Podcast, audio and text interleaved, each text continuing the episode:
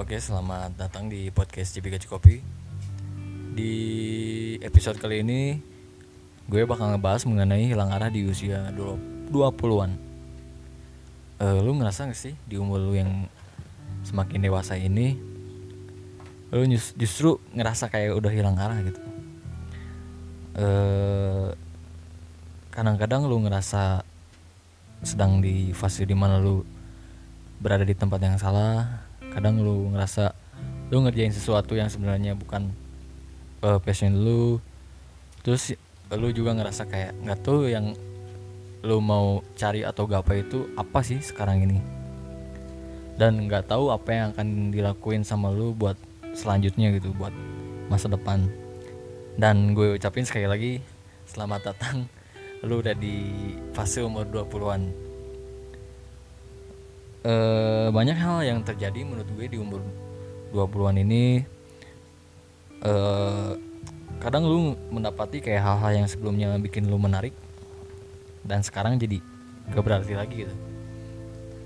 Terus pelan-pelan eh, teman-teman lu mulai kayak menipis eh, habis oleh seleksi alam mungkin yang kejam mungkin. Mungkin. Dan gak jarang juga lu kayak ngerasa kesepian gitu. Eh, dan kadang juga kebanyakan eh, merasa ketakutan gitu.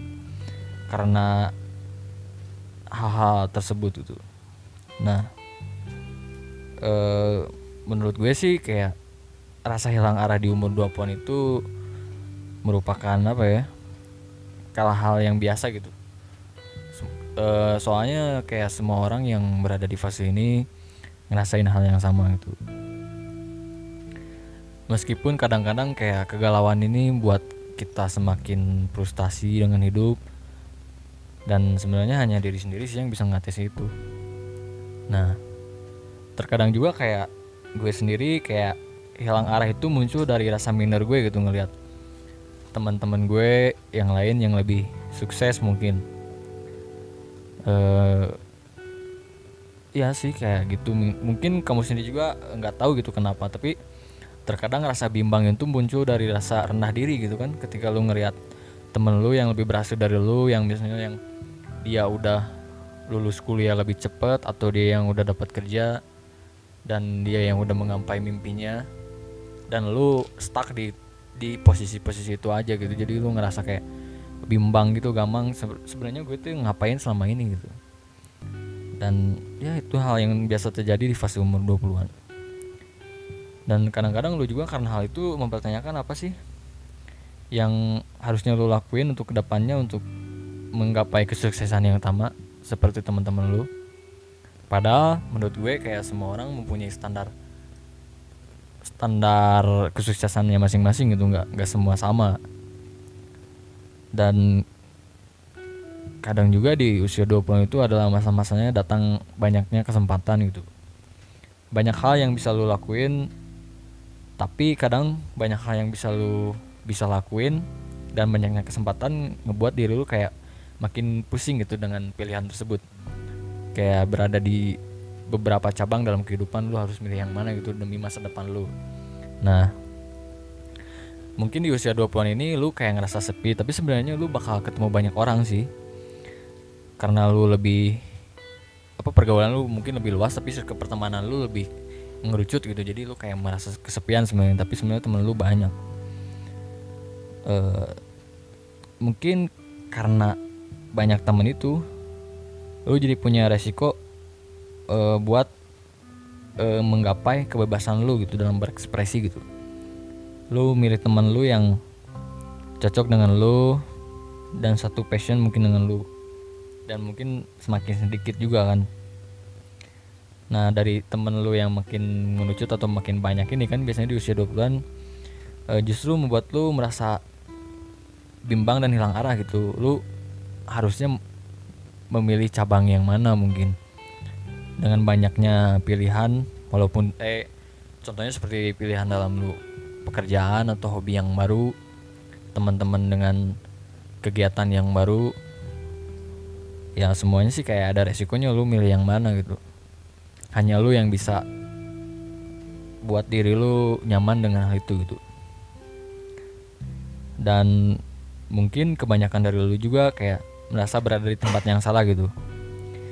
Uh, lu, lu biasanya kayak menyadari bahwa lu itu sebenarnya berada di tempat yang salah tapi kayak lu malas aja buat keluar dari zona itu karena mau ke zona mana lagi itu kan lu udah bingung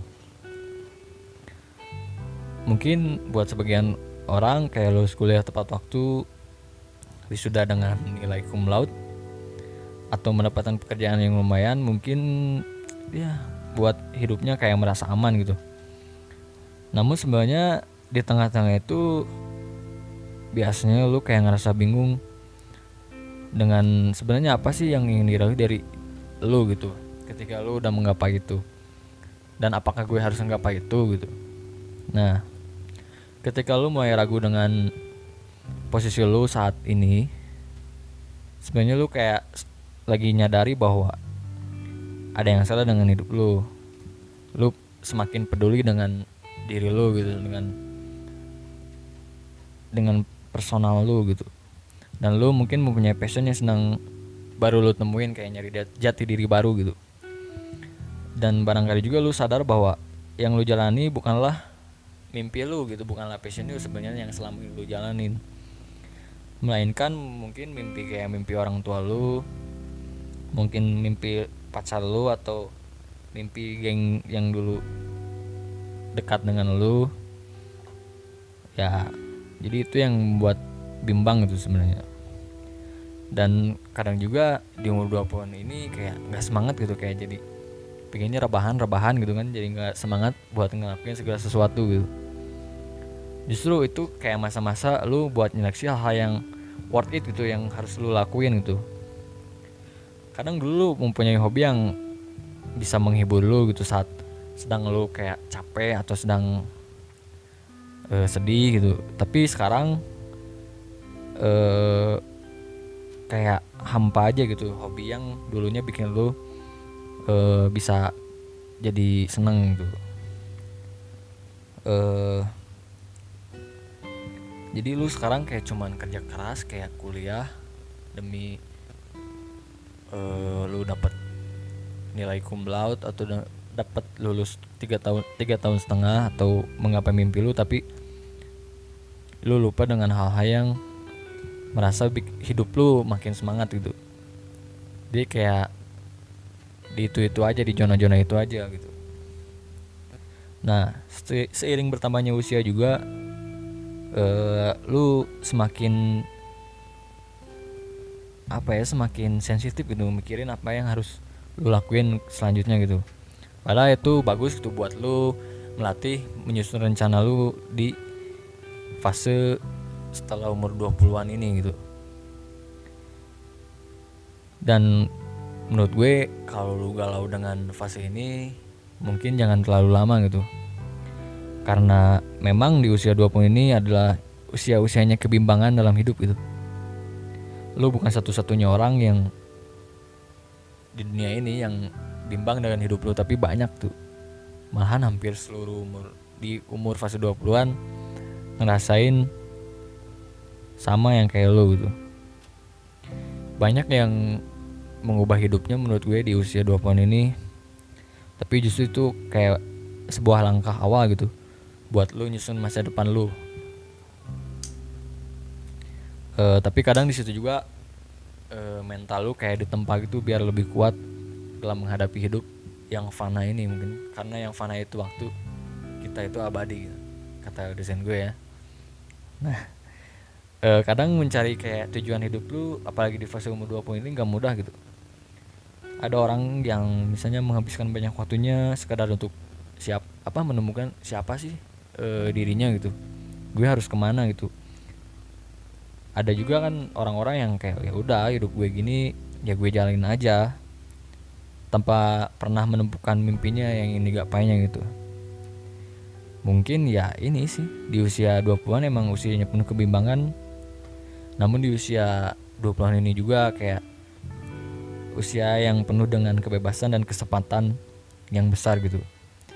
E, kita masih muda friend saatnya berkarya bila segala sesuatu terlihat tidak sesuai rencana ya lu nggak perlu terluka gitu. Jalan lu masih lebar dan dunia dunia masih sangat luas buat kamu jelajahi gitu untuk mencari diri lu yang sebenarnya. Mungkin itu sih dari gue. Uh, ya. Terima kasih sudah ngedengerin podcast di Kopi